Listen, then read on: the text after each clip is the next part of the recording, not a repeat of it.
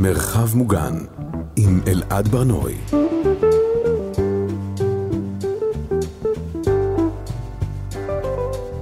שלום, אתם על מרחב מוגן, הסכת חדש שבו אנחנו מדברים על שגרה בימים בלתי שגרתיים. יש מלחמה בחוץ, סביבנו מתרחשים אירועים בסדרי גודל שלא הכרנו, קשה לדמיין אופק או עתיד, אבל אנחנו ממשיכים, אם נרצה ואם לא, לחיות את היום-יום שלנו. לאט לאט אנחנו חוזרים להאזין פה ושם למוזיקה, לקרוא ספרים, לצפות במשהו שהוא לא מהדורת חדשות. אני אלעד ברנוי, בכל פרק אני אשוחח עם אשת או איש תרבות אחרים על היום-יום שלהם, והיום אני שמח לשבת לשיחה עם קובי מידן. שלום קובי. היי אלעד. קובי, מה אתה עונה כששואלים אותך עכשיו מה נשמע? או, א', אני לא שואל אנשים מה, מה שלומך. זה מרגיש לי כמו פלישה, מצד אחד כמו פלישה לפרטיות לא פשוטה, ומצד שני, מובן מאליו. אה, אז אם שואלים אותי מה, מה שלומי, אז אני אומר, אה, כמוך. Mm. והמבט אה, אומר שצדקתי בדרך כלל. כן, יש איזו תחושה של שותפות גורל כזו. יש, יש גם איזו, איזו אשמה נלווית באיזשהו אופן, אני חושב, אם אתה פתאום נפלט לך, טוב, מה איתך? כן. אתה... בכלל, אשמה זה דבר שאנחנו הולכים איתו, אני אגיד, אדבר על עצמי, שאני הולך איתו לא מעט בימים האלה. אה, אתה יודע, למשל, אני, אני אציג לך את זה ממקום אחר. כמה אתה נחשף, כמה אתה מרשה לעצמך להיחשף לסר, לס, לסרטים קשים. אני לא מדבר על זוועה, אני מדבר על סרטים קשים. כתבות שהתקשורת אה, מוצפת בהן באופן טבעי, של סיפורים של גבורה ושל מוות, כן. ושל uh, הרג uh, אכזרי, וכו', אני לא צריך להגיד, לא צריך להסביר. ובהתחלה היה נדמה שאתה צריך לראות את זה, כי זה לתת כבוד. כי אחרת אתה, אתה יודע, כמו הבן הרשע בהגדה, כן? מה העבודה הזאת לכם? אתה מוציא את עצמך מן הכלל. אבל אחר כך חשבתי שלא נכון. אחר כך חשבתי שאני גם צריך לשמור על עצמי, ו... ואין בכך משום חוסר כבוד, אלא משום החלטה מה הדבר הנכון במאבק היומיומי עכשיו, כי היומיום הוא מאבק עכשיו. ואתה מדבר על יומיום, אז אולי זה הדבר הראשון שאני רוצה להגיד עליו, שהוא כי, מאבק. כי, כי באמת יש איזושהי תחושה, אתה מדבר על כבוד, אבל גם יש איזה, איזה ליטרת כאב כזו שאנחנו כאילו צריכים אה, לקחת על עצמנו באיזשהו אופן. הרי, אתה יודע, כולנו עברנו משהו, יש איזה אבל עכשיו שכולנו מרגישים, איזו תחושה. קשה כזו, ו, וזה כמעט איזה מקום שאתה אומר... תחשוף את עצמך לדבר הזה וגם תכאיב לעצמך עם הדבר נכון. הזה, תיקח חלק בסיפור הזה נכון, באופן פעיל. נכון. ואני ניסיתי להגיד לעצמי ולחנך את עצמי, ברגע שהבנתי את זה, אה, למקומות אחרים, ולשמור על עצמי, אה, לא מתוך... אה, אני אגיד עוד משהו על היומיום. אני חושב שהיומיום הוא כפול. כלומר, אמרתי אחד שהוא, שהוא מאבק יומיומי, היומיום, השגרה. ושוב, אני מדבר עלינו, שמזלנו הלא רע אה, לא הכניס אותנו לתוך המעגל הראשון של, ה, כן. של האובדן. אני, זה מובן מאליו. אז חוץ מזה שזה מאבק, זה כמו שחייה, אבל לא במים, אלא בחומר יותר צמיג.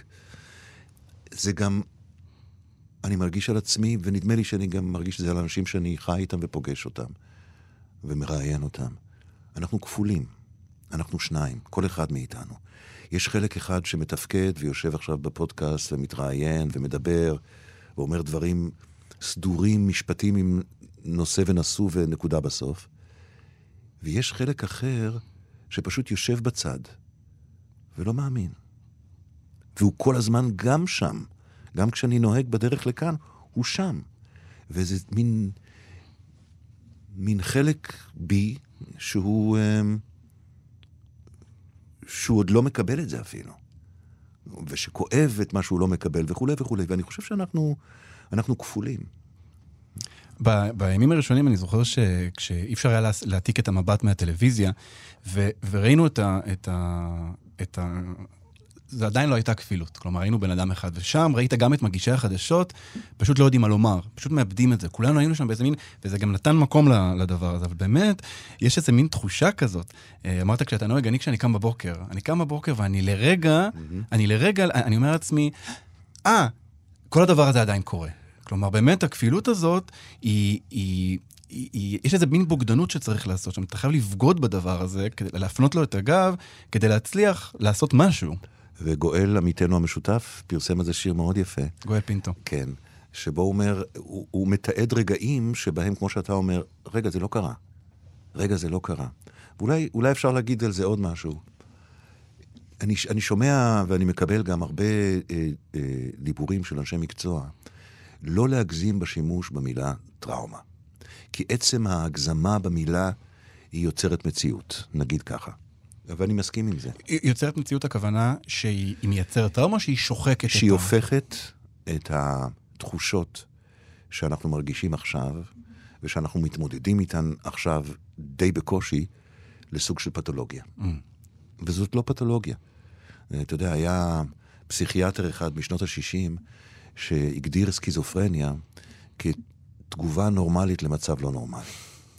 אז אנחנו לא בסכיזופרניה, אבל אנחנו גם לא, ב... אנחנו לא בטראומה. אה, אבל כן צריך להגיד שהדבר, אחד הדברים שקשים, זה כאשר קורה משהו, הקושי שלך להתמודד הוא עם מה שאתה קולט, לא עם המציאות. עם העודף הזה, עם הגודש הזה, עם ההצפה הבלתי נגמרת הזאת של מראות ותמונות, ו... ולכן, הרבה פעמים, גם אנחנו, שלא היינו שם בקו באותו יום, מוצאים את עצמנו חוזרים לאותה שבת בבוקר. איך שמענו פעם ראשונה, איך התחלנו לראות את התמונות הראשונות, מכיוון שאנחנו בעצם משחזרים ומנסים אולי לרפא את ההצפה הזאת. זהו. גם, גם אה, אני חושב שיש איזה, איזה ממד, אני מאוד מזדהה עם מה שאתה אומר, אני חוזר לשבת הזו כל הזמן, מהרגע שהייתה אזעקה, ואיך הדבר הזה התחיל... אה, יש לי איזו תמונה של אה, כתב של כאן 11, שאני פותח את הטלוויזיה, והכתב עומד עם הטלפון שלו, ופשוט לא אומר שום דבר, אומר, אה, אה, כלומר, הרגעים הראשונים שיש הבנה של משהו בלתי נתפס שקורה. ושצריך לחפש מילים אחרות. בדיוק. שהמילים ו... הרגילות התפקעו. ואני מרגיש איזשהו צורך לייצר לי, לספר את הסיפור הזה שוב ושוב ושוב לעצמי, כדי לייצר בו איזושהי קוהרנטיות. נכון. להפוך אותו לאיזה סיפור סדור כזה, כדי שנוכל, שאני אוכל, שאני אוכל לספר אותו. נכון. ואתה יודע, אני חושב גם שאחד מהסממנים, מהמאפיינים של התקופה, שאנחנו נהיים פחות מיוחדים. שיש לזה שתי פנים.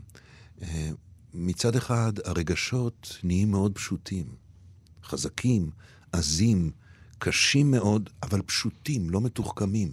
הזעם הוא זעם, הכאב הוא כאב, הפחד הוא פחד וכולי. כאילו הכל מצויר בצבעי יסוד, אדום ושחור. אז אנחנו יותר דומים אחד לשני. ויש אנשים, ולא מעטים, אני חושב, שהדמיון הזה גם קשה להם.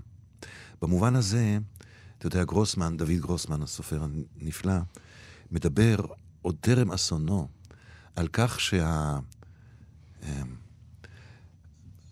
הישראלי פולש, הציבורי, הכללי, הלאומי, פולש באלימות לתוך היומיום הפרטי והאישי. כי אנשים כאן ובכל מקום בעולם מנסים לאזן בין הפנימי, הפרטי, האישי, לבין הציבורי. ופה לפעמים אין אוויר לפרטי. אז גם זה חלק מהעניין. במובן הזה, שאנחנו נהיים נורא דומים, אז הייחוד שלנו שוב נפלש, נכבש. ואנחנו עדר של זאבים בודדים, כמאמר הפתגם. אתה יודע, זה, העניין הזה של להרגיש פחות מיוחדים, יש פה, אני חושב שיש כאן איזה ממד דורי, אני רגע אכניס את ה... אני מילניאל, כן. אנחנו אה, אה, חרטנו על דגלנו את הדבר הזה של להרגיש נורא מיוחדים. אה, ופתאום אנחנו מסתכלים, שלא לדבר על הדור הבא, ואנחנו אומרים לעצמנו, רגע, הקונספציה הזאת, המילניאלית, קצת נעלמה לנו. בן כמה אתה? 35. אוקיי, זה נקרא מילניאל. אני לא, לא בקיא בחלוקה הזאת באמת. כן, זה כזה שנות השמ... ילידי שנות ה-80, אה, תחילת שנות ה-90. Mm. הפתיתי שלג המיוחדים האלה, כלומר, כן. פתאום אנחנו, אתה יודע, אין מקום, השלג נמס עכשיו, כן? נכון, אנחנו לא, אין, נכון, אין מקום מול הדבר הזה. נכון, ל... נכון. סוג של התעוררות גם. השגרה, נקרא לזה השגרה התרבותית שלך, היא, אני מתאר לעצמי בדרך כלל מאוד עשירה. כלומר, זו גם העבודה שלך. אתה מגיש, נכון. בימי, בימי שגרה אתה מגיש את סוכן תרבות, זה, 11. זה ההישג הגדול של הקריירה שלי, שבשלב זה של חיי, העבודה שלי היא גם אהבתי. אה, אל תגלה את זה לממונים, שגם אם לא ישלמו אני אעשה. זה כן, זה לא טוב למשא ומתן. נכון, נכון. אמ, איך זה עובד עכשיו? מה, מה עכשיו אתה... תראה, מבחינה מקצועית, אה, אנחנו עושים תוכנית אחרת, אנחנו עושים בימי שישי בשעה משתנה לפי ה... אה, אנחנו עושים אה, שלוש שעות שהן כן ולא גל פתוח. הן כן גל פתוח כי זה שלוש שעות, ואי אפשר ולא נכון להתייחס לזה כאל תוכנית של שעה כהרגלנו. והן לא גל פתוח מבחינת ההתכוונות שלנו, שאנחנו מנסים בכל אופן לשמר. את הדיבור שאיננו גל פתוח. מתוך תפיסה שאולי לא הרבה, בוודאי לא כולם, יש אנשים שהתלת מימד הזה חשוב להם. של תרבות, של ספרות, של הסתכלות מהצד, ככל שניתן. ככל שניתן. זה אפילו לא הנושא שאתה מדבר עליו, אלא המקום שממנו אתה מדבר והאתיקה של הדיבור שלך. אה, האם אני עומד באתיקה של עצמי כל הזמן? לא. רוב הזמן, אני מקווה. מה, מה, מה זו האתיקה הזו שאתה, שאתה מתכוון אליה? כלומר, אנחנו מדברים על, על הצורה שבה אנחנו עוסקים ב... אתה יודע, אתיקה, למשל, דיברנו על כך שכולנו נהיינו אותו דבר, אז כשאני מראיין מישהו, לחפש את מה שהוא לא אותו דבר. וזה נגד תנועת הזיפים. זה נגד תנופת, תנוע, תנועת הרגש שלי עצמי, ואולי של אפילו של המרואיינת שלי עצמה. אז לחפש את המיוחד, את האישי, את החד פעמי, זה מילים גדולות, אני לא עובד עם זה. כשאתה שואל, אני אומר לך. אבל זה לא שאני מנסח לי את זה במניפסט, אתה יודע. אה, וגם,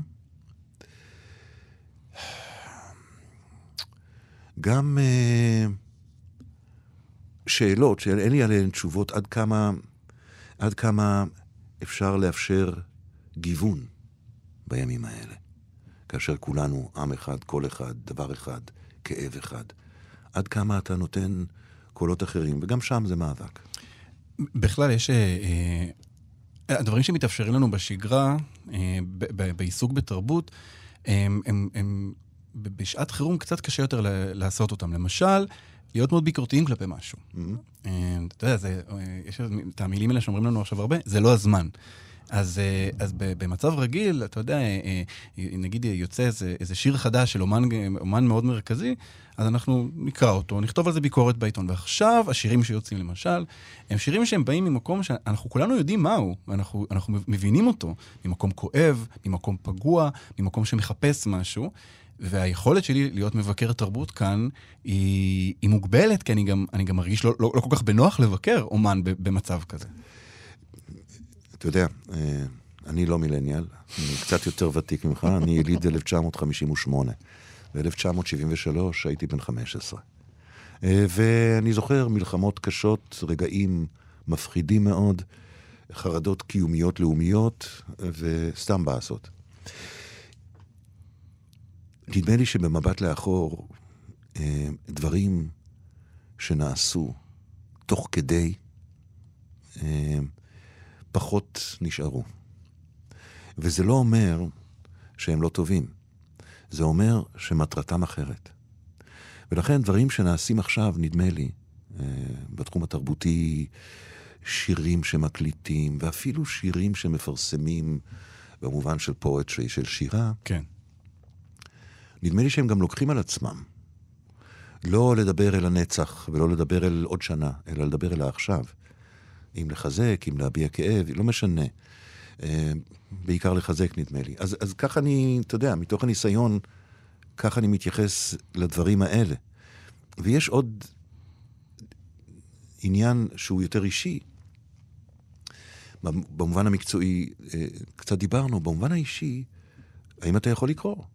האם אתה יכול אה, לשמוע מוזיקה? האם אתה יכול, האם יש לך את התלת מימד הזה בתוך עצמך?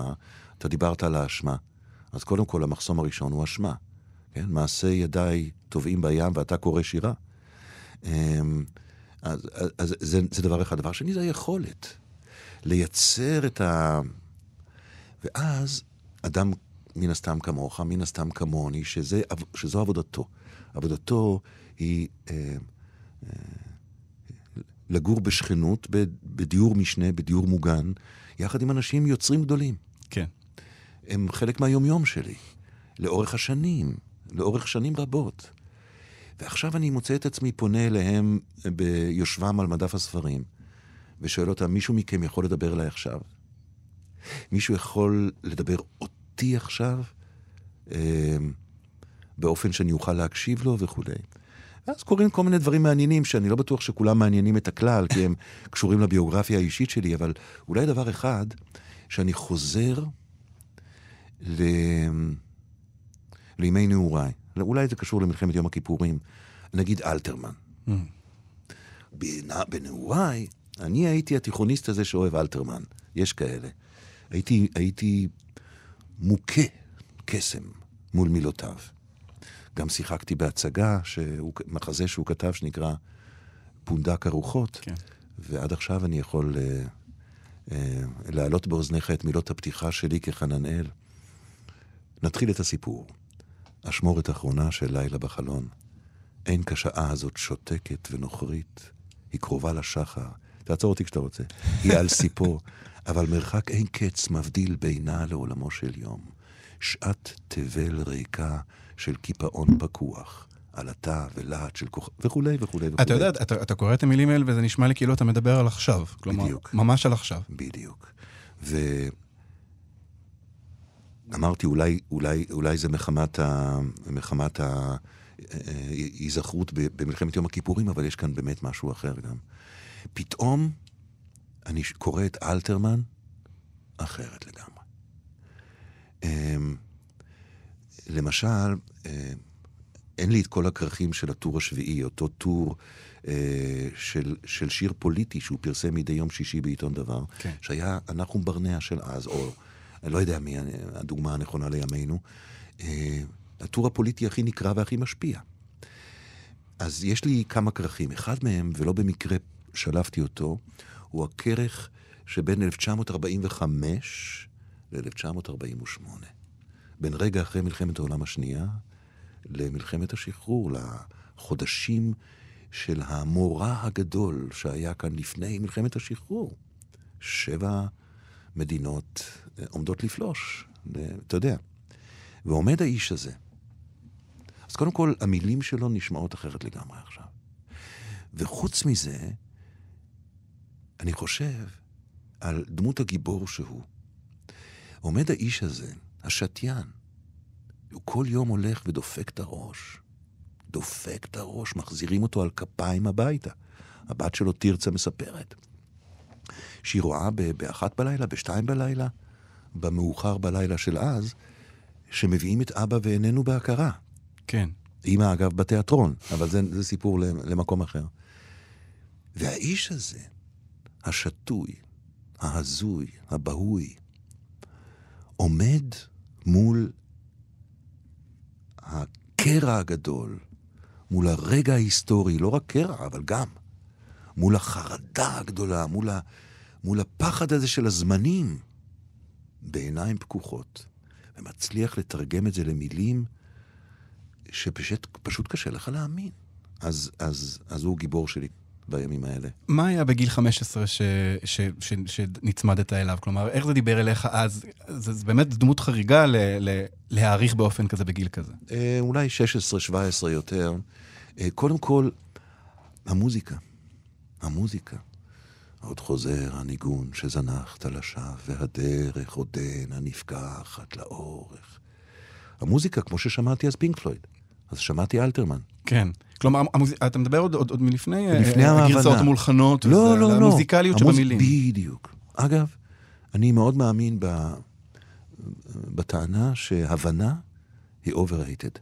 כמו שאתה יושב לשמוע בגיל 16 את uh, Shine on your crazy diamond, את הסולו גיטרה בהתחלה, ואתה מזדהה עם המילים על הטירוף, בלי שאתה מכיר טירוף, בלי שאתה יודע על מה מדובר, בלי שאתה יודע מי זה סיד בארט וכל הדבר הזה.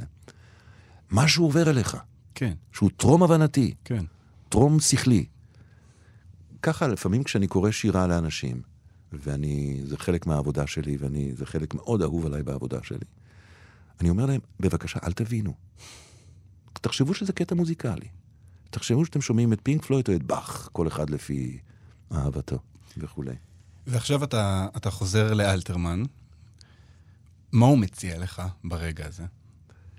אלתרמן הוא איש של הפכים ויוצר של אוקסימורונים. לא במקרה הצורה המילולית המזוהה איתו היא אוקסימורון, כן? אה, פתאומית לעד. כן? אה,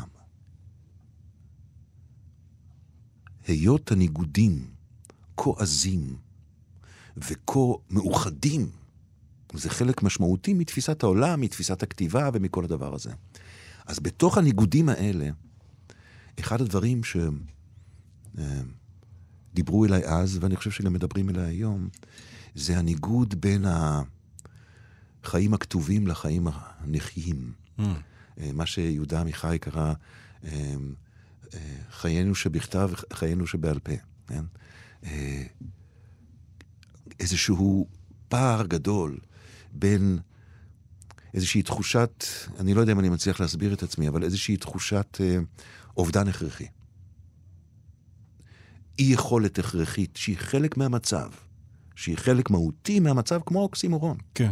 אז uh, נדמה לי שמשהו בזה דיבר אליי, לא מתוך כניעה, אלא מתוך, וואו, יש כאן איש שאומר אמת, שמעז להגיד אמת, אתה מבין? ואם אתה רוצה שאני אשלים את הדיוקן של השדרן כאיש צעיר, וקצת uh, משונה, אז היה לי עוד גיבור אז, שאני חוזר אליו עכשיו. לראשונה כמעט מאז, לא, לא לראשונה, אבל הרבה... וזה בטהובן. תודה. ללכת? לא, אבל גם הייתי משחק כדורסל, אל תגיד. לא, לא, בסדר, אני... לא, אני רואה את המבט הזה, אני רואה את המבט הזה.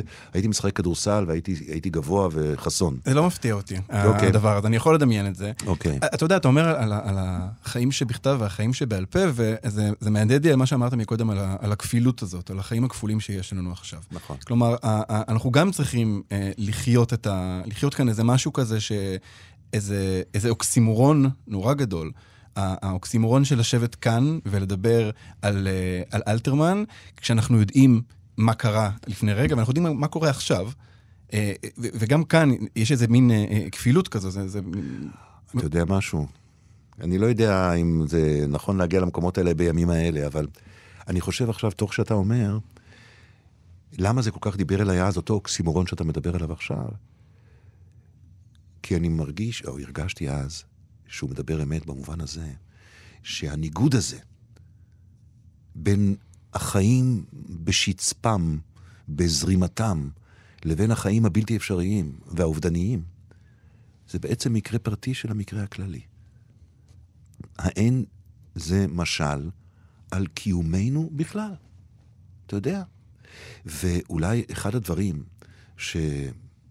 מאלפי הדברים שמקשים עלינו בלעמוד מול המאורעות האלה, זה משום שאתה מרגיש שנחשפה איזושהי אמת קיומית. ההגנה, הבטנה, שוספה. אה, עד כאן החלק ההומוריסטי של שיחתנו. כלומר, אתה- התהום הזו שאנחנו מדחיקים אותה כל הזמן, נפ- נפערה מתחתנו באיזשהו אופן. בדיוק. אה, אני רוצה אבל לתת משהו קצת אה, מעודד. כן. ואני אקרא את זה עוד בחור שאני חוזר אליו בזמן האחרון, ואתה תופתע, אתה תיפול מהכיסא ואני ארים אותך וקוראים לו לרנרד כהן. אוקיי. אבל לא רק הם, אני לא, לא השלמתי עוד לדבר על בטהובן, אבל זה אולי פעם אחרת. אמ, אני חי איתו, איתו לא חייתי בימי נעוריי. אני הייתי יותר דילן, הייתי יותר פינק פלויד, הייתי יותר אלתרמן, אבל לא הייתי, לא הייתי כל כך כהן עם הדכדוכיות האימננטית הזאת. והגעתי אליו בגיל יחסית מאוחר, כאשר ביקשו שאתרגם אותו. אז כן. אמרתי, אני אקשיב קצת וכולי, וזה היה ממש גיל, אתה יודע, כבר עמדתי על דעתי. אפילו נחתי בה כבר. כלומר, תרגמת אותו לפני שהיית איזה מעריץ גדול של ליאונרד נכון, כהן? נכון. אני מניח שהרבה אנשים באותו זמן היו מוכנים להרוג בשביל הדבר הזה. יש לו קהל מעריצים מאוד מאוד גדול, אנשים אה, אוהבים אותו אהבה. כשאני התחלתי עם הפרויקט הזה, כשצלצל אליי אשר ביטנסקי המפיק, ואמר שהוא רוצה לתרג... ש... שמישהו יתרגם את זה ויונתן גפן עסוק, אז, אז ככה זה היה. אבל עד היום אני שומר, מחזיק טובה ליונתן גפן שהיה עסוק ולאשר ביטנסקי שהיה חולם. ו... ו... ואז התחיל מסע ההתאהבות שלי. הוא התחיל מסוזן, מהשיר הראשון.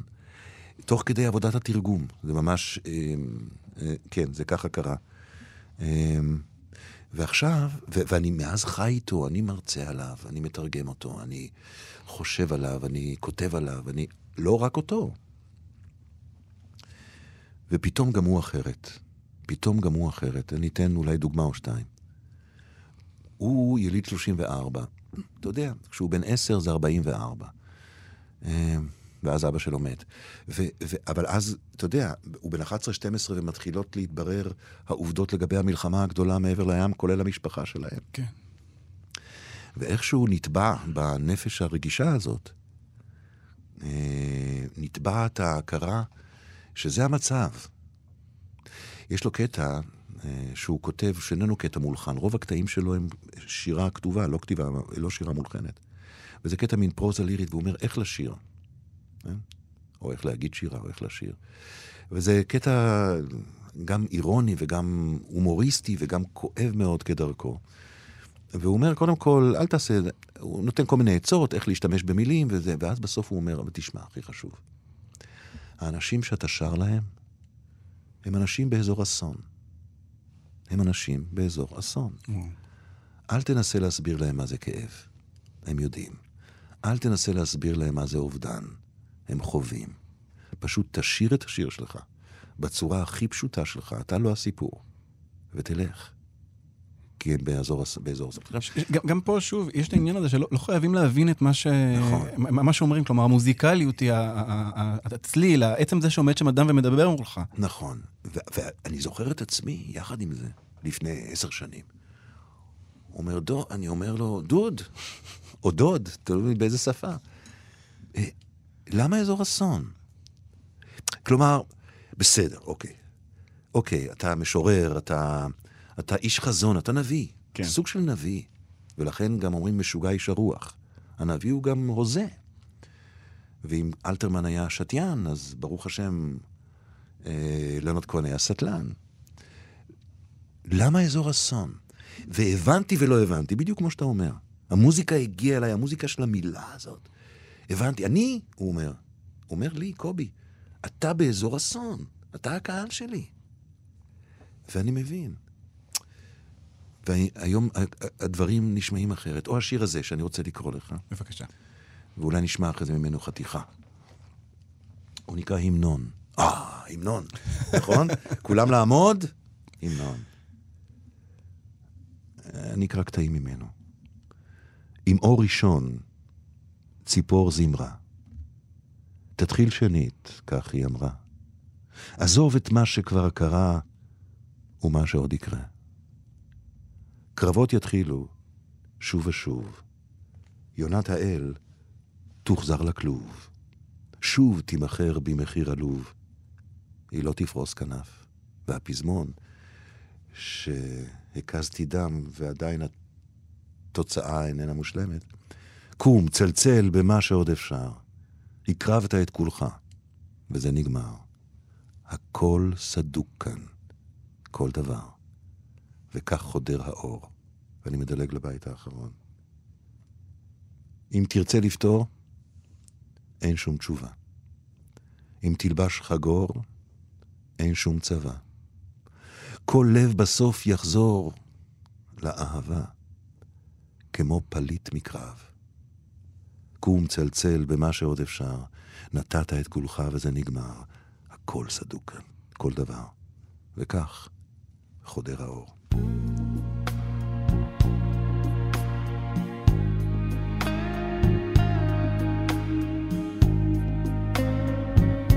The birds they sang at the break of day.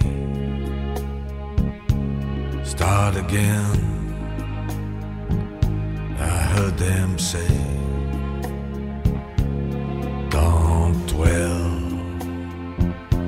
on what has passed away or what is yet to be.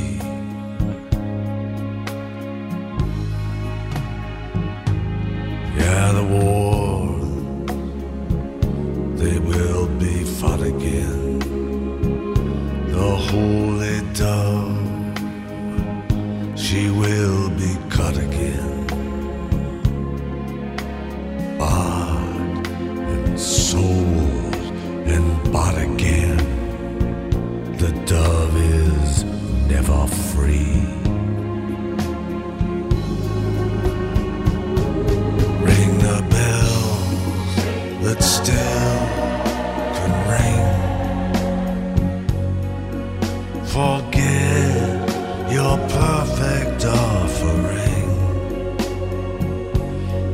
is a crack, a crack in everything. That's how the light gets in.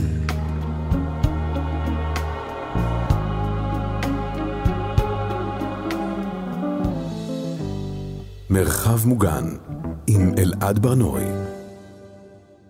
קובי, אה, אתה יודע, האזנו ללאונרד כהן ואני אה, הרגשתי שם איזה איזה נחמה כזו שיש, אה, בטח בקול שלו אה, וגם במילים שלו, ו, וחשבתי לעצמי, מה, מה עכשיו התרבות שאנחנו אה, מאזינים לה, שאנחנו מביטים בה, שאנחנו נחשפים אליה, איך היא אמורה, אם, אם יש את הדבר הזה, את התפקיד, איך היא אמורה לעמוד לנגדנו? היא אמורה לעזור לנו, היא אמורה לנחם אותנו, או שהיא אמורה לעשות משהו אחר ברגע הזה, עכשיו, בזמן הזה?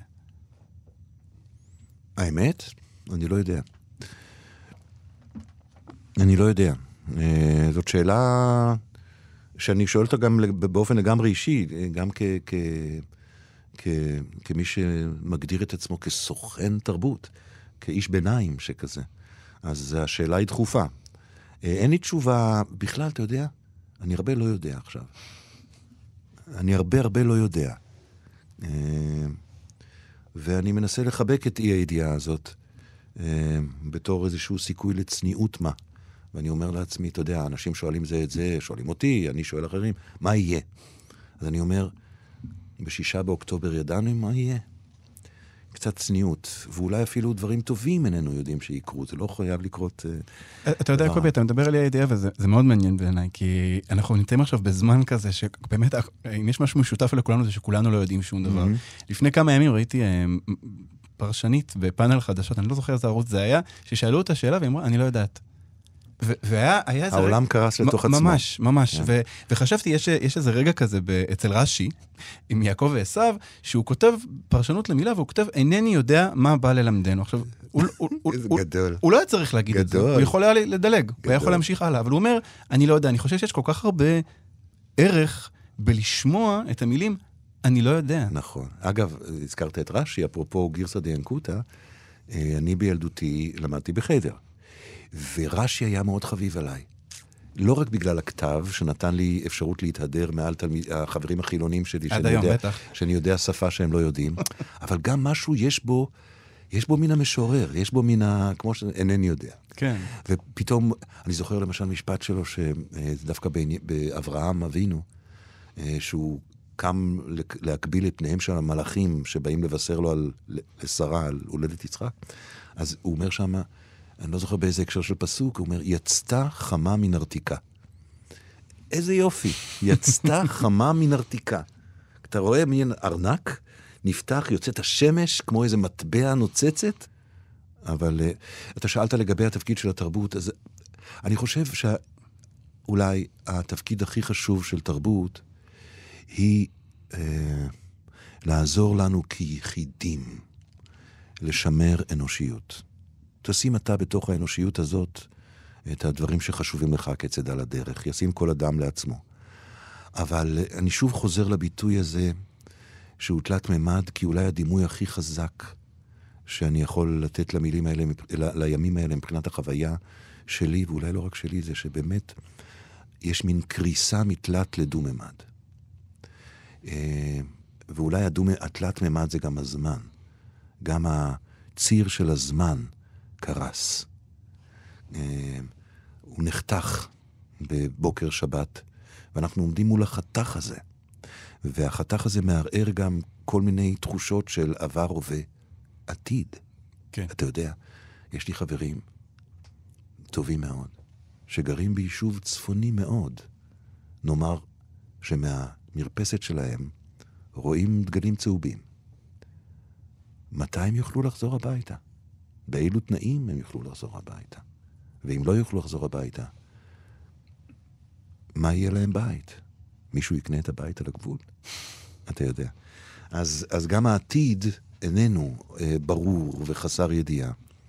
אז אה, העובדה שאני קורא עכשיו אלתרמן, שקראתי בנעוריי, ושאני מוכן לקבל את הפתוס של בטהובן, ויכול לראות בהרבה קטעים של המוזיקה שלו פשוט פורטרט של כוח חיים, של אותו כוח חיים שאנחנו גם רואים, אגב, וצריך גם את זה להגיד. אנחנו רואים סביבנו המון כוח חיים בתוך כן. כל המוות הזה. כל מה שקורה לחברה האזרחית, זה כוח חיים מטורף. אני חושב, אני, זה, אני, אני לא בטוח איך האמירה הזאת תישמע כשאני אגיד אותה עכשיו בקול, אבל אני חושב שאין דבר שמזין את החיים יותר מהמוות. כלומר, יש איזה כוח חיים במוות, בסופו של דבר. כשמתמודדים עם אבל, אתה יודע, יוצא החוצה איזה רגש נורא נורא גדול, נורא נורא חזק. אמ, זה חושך מאוד גדול, אבל חושך מאוד מאוד גדול, גם לו יש איזשהו מרקם, איזשהו כוח. אני חושב שאתה צודק פעמיים. אה, פעם אחת במה שאתה אומר, ופעם שנייה בחשש שאולי זה לא הזמן להגיד את הדברים האלה. אתה יודע, אני נזכר שלפני כמה חודשים יצא לי לראיין על במה, אני לא אזכור עכשיו את שמו בלהט המאורעות. אה, אגיד, לא, לא, לא בזלזול, אבל ככה להסביר את ה... בגור ומוות.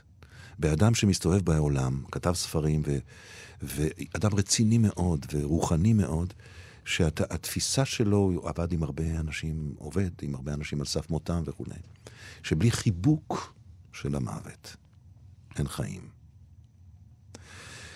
אז שוב, בימים האלה זה כמעט חסר רגישות להגיד את זה. כן. זה פילוסופיה בזמן של דימום. כן. כמו. לבוא לשבעה למישהו ולהגיד לו. ותסתכל על הצד החיובי של הדברים. בדיוק, בדיוק. אז לכן אנחנו אומרים את זה עם כוכבית בגודל שמש. אבל אתה יודע, קובי, היה... יש איזה רגע אחד שהוא uh, מטריד אותי בזמן הזה, יותר מרגע אחד, אבל יש איזה רגע אחד ספציפי שבו הרבה מאיתנו, um, אני חושב שכל מי שאני מכיר, הרגיש באמת שהוא הוא לא, לא רק שהוא מרגיש אשם על להאזין למוזיקה או לקרוא, זה פשוט לא מסוגל. ברור. זה רגע מאוד מאכזב, כי יש בי איזושהי ציפייה שהתרבות הזו, שאני חי אותה ואני ניזון ממנה, תעמוד ל- ל- לצידי בדיוק ברגעים האלה. אז אולי כי אני קצת יותר מבוגר באמת, אני כבר לא מתאכזב, אלא עושה התאמת ציפיות. לא כולם מתאימים לאור העז של הימים האלה. אור התכלת העזה שקרא לו עמוס עוז. לא כולם. יש חלק שעדיפים, שהתאורה הנכונה להם היא אפלולית של ימי סתיו. ואז הם נראים במיטבם. אה, ולא כולם מדברים את הנושאים שיש פנאי להתעסק איתם. ואפילו דיברנו על מוזיקה, זה אפילו תחביר. זה אפילו ריתמוס. איזה ריתמוס הלב מבקש עכשיו. ולא כולם מתאימים, זה גם נורא אישי. אז במובן הזה, אה, אני לא, אין לי אכזבה לא רק כי אני מכיר את זה מפעמים קודמות, אלא כי למדתי לחפש את הדברים הנכונים לסיטואציה. וגם אם אף אחד לא, אז זה בסדר.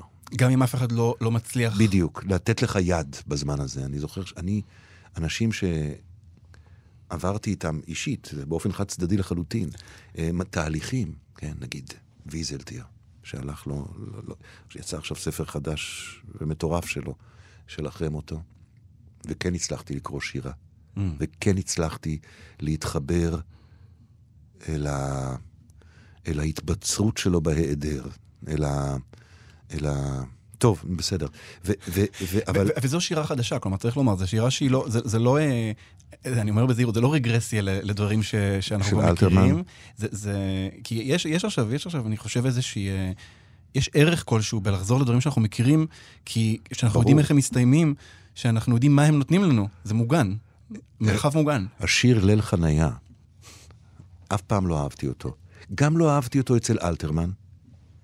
תמיד העדפתי, אתה יודע, את שירי האני ולא שירי האנחנו, וזה שיר אנחנו, אולי שיר האנחנו לצד שיר, שיר הרעות של גורי. אה, וגם לא אהבתי את הלחן שלו, שהוא בפני עצמו לחן מאוד יפה, כן. אבל הרגשתי שהוא עושה נורמליזציה של טקסט לא נורמלי. יש פער מאוד גדול בין, ה, בין הלחן למילים. יש, יש, יש לא מעט מקרים כאלה, כן. שהטקסט הוא נהדר, והלחן הוא נהדר, אבל למה ביחד? אני מרגיש ככה עם אגדת דשא של מאיר אריאל, אתה יודע? זה, זה, זה שיר מקסים, המילים באמת מקסימות. על, על, יש איזה פאתוס ב, במתחת. אתה, אתה, הוא, אני מרגיש שהוא מתאר שם איזו טרגדיה נורא גדולה. עכשיו, זו טרגדיית נעורים של, של נער ש, שסורב על ידי נערה, אבל אני הייתי לוקח, לוקח אותו לתאר איזה גיא הריגה או משהו, הייתי לוקח אותו למקומות אחרים, לא לשם, לדשא. אף פעם לא חשבתי על זה ככה, ואפילו ההפך. תמיד הרגשתי שהפאתוס הזה הוא כל כך נעורים, Mm. שאם אמרו לך לא באהבה הראשונה שלך, כמו שלי אמרו, באהבה הראשונה שלי, לעולם לא תהיה לך אהבה. וואו. כי מה? יש לך, יש לך איזשהו תקדים להתבסס אין, עליו? אין רפרנס אחר. אין כן. רפרנס, אין, אין, אין, אין רפרנס. אז ליל חניה. אז ליל חניה, לא אהבתי לא את הלחן ולא את המילים. זאת אומרת, את הלחן אולי כן, אבל זה לא מתאים. ופתאום קראתי אותו, זה מופיע באלתרמן, ש... באחד האלתרמנים שפתחתי. אור יקרות. פתאום הוא מדבר את העכשיו בצורה מביכה ממש. טוב, אני, אני חייב לנסות. אני כן, תנסה, את תנסה בבית, מה שנקרא. אמ, קובי, תקרא לנו משהו לסיום. כן, בזהירות מאוד, כאדם המתקרב אל המים ורק מוריד גרב אחת וטובל רגל, אה, אני אקרא לך משהו שאני כתבתי אה, בימים האלה, בזהירות, גם כי אין לי פרספקטיבה מספקת מהמאורעות, וגם כי אין לי פרספקטיבה מספקת מהטקסט. גם אמרת אה, מקודם, הקריאה בטקסטים שנכתבים עכשיו, היא צריכה להיעשות בכלים אחרים. נכון. קריאה של עכשיו, היא לא, נכון. אנחנו לא, לא נבחן את זה ב... נכון, לא, לא, אני, אני, מדבר, אני אומר לך גם שבמובן שאני כל החיים מתרגם, ואני כל החיים כותב, אז מתקיימת בתוכי איזושהי רפובליקה של בן אדם אחד, שהוא קהל היעד שלי. כי אני לא מפרסם המון. אז ברפובליקה הזאת, אתה יודע, אני מקבל ביקורות, יש לפעמים ספרים שהם רבי מכר, ולפעמים שאף אחד לא קורא, ושירים שזה... מק- אז, אז, אז, אה, אז זה מופנה לרפובליקה, וגם לכן אני קצת לא בטוח שזה מתאים, אבל עד כאן הקדמות, התנצלויות וכולי. אמ, שיר פשוט. רק אגיד הערה אחת, שהמילה קלות אה, מופיעה פעמיים. בפעם הראשונה זה כמו חסרות משקל, ובפעם השנייה זה כמו נגמרות. לא קלות חתן, חתן כלה, אלא קלות ולא, ולא שיכור קלות. בדיוק, אלא קלות כמו נגמרות. כן. ליבנו איננו מורגל בגדולות. ימינו קצרים, תשוקותינו קלות. אם בוקר יצאנו לקנות ולמכור, אם ערב למדנו, אין טעם לחזור. ימינו קלים, תקוותינו קלות. כיסאנו הוא גזע של עץ משאלות, כרות ומעוות מול חורבות הבניין. וטרם ירדנו לסוף העניין. וטרם הגענו לסוף המניין. האש עוד בוערת, סמיך העשן, החשבון משובש, משוואה של טירוף. אין מספר שמתאים לאיבר השרוף. כיסאנו הוא גזע של עץ משאלות. נכון. אה, קובי מידן, אני רוצה להגיד לך תודה רבה על השיחה הזאת, אני מקווה שכל המשאלות אה, יצמחו איכשהו. ילבלבו מחדש, כן. והגזע ישוב ויורק. תודה, אלעד. תודה, קובי.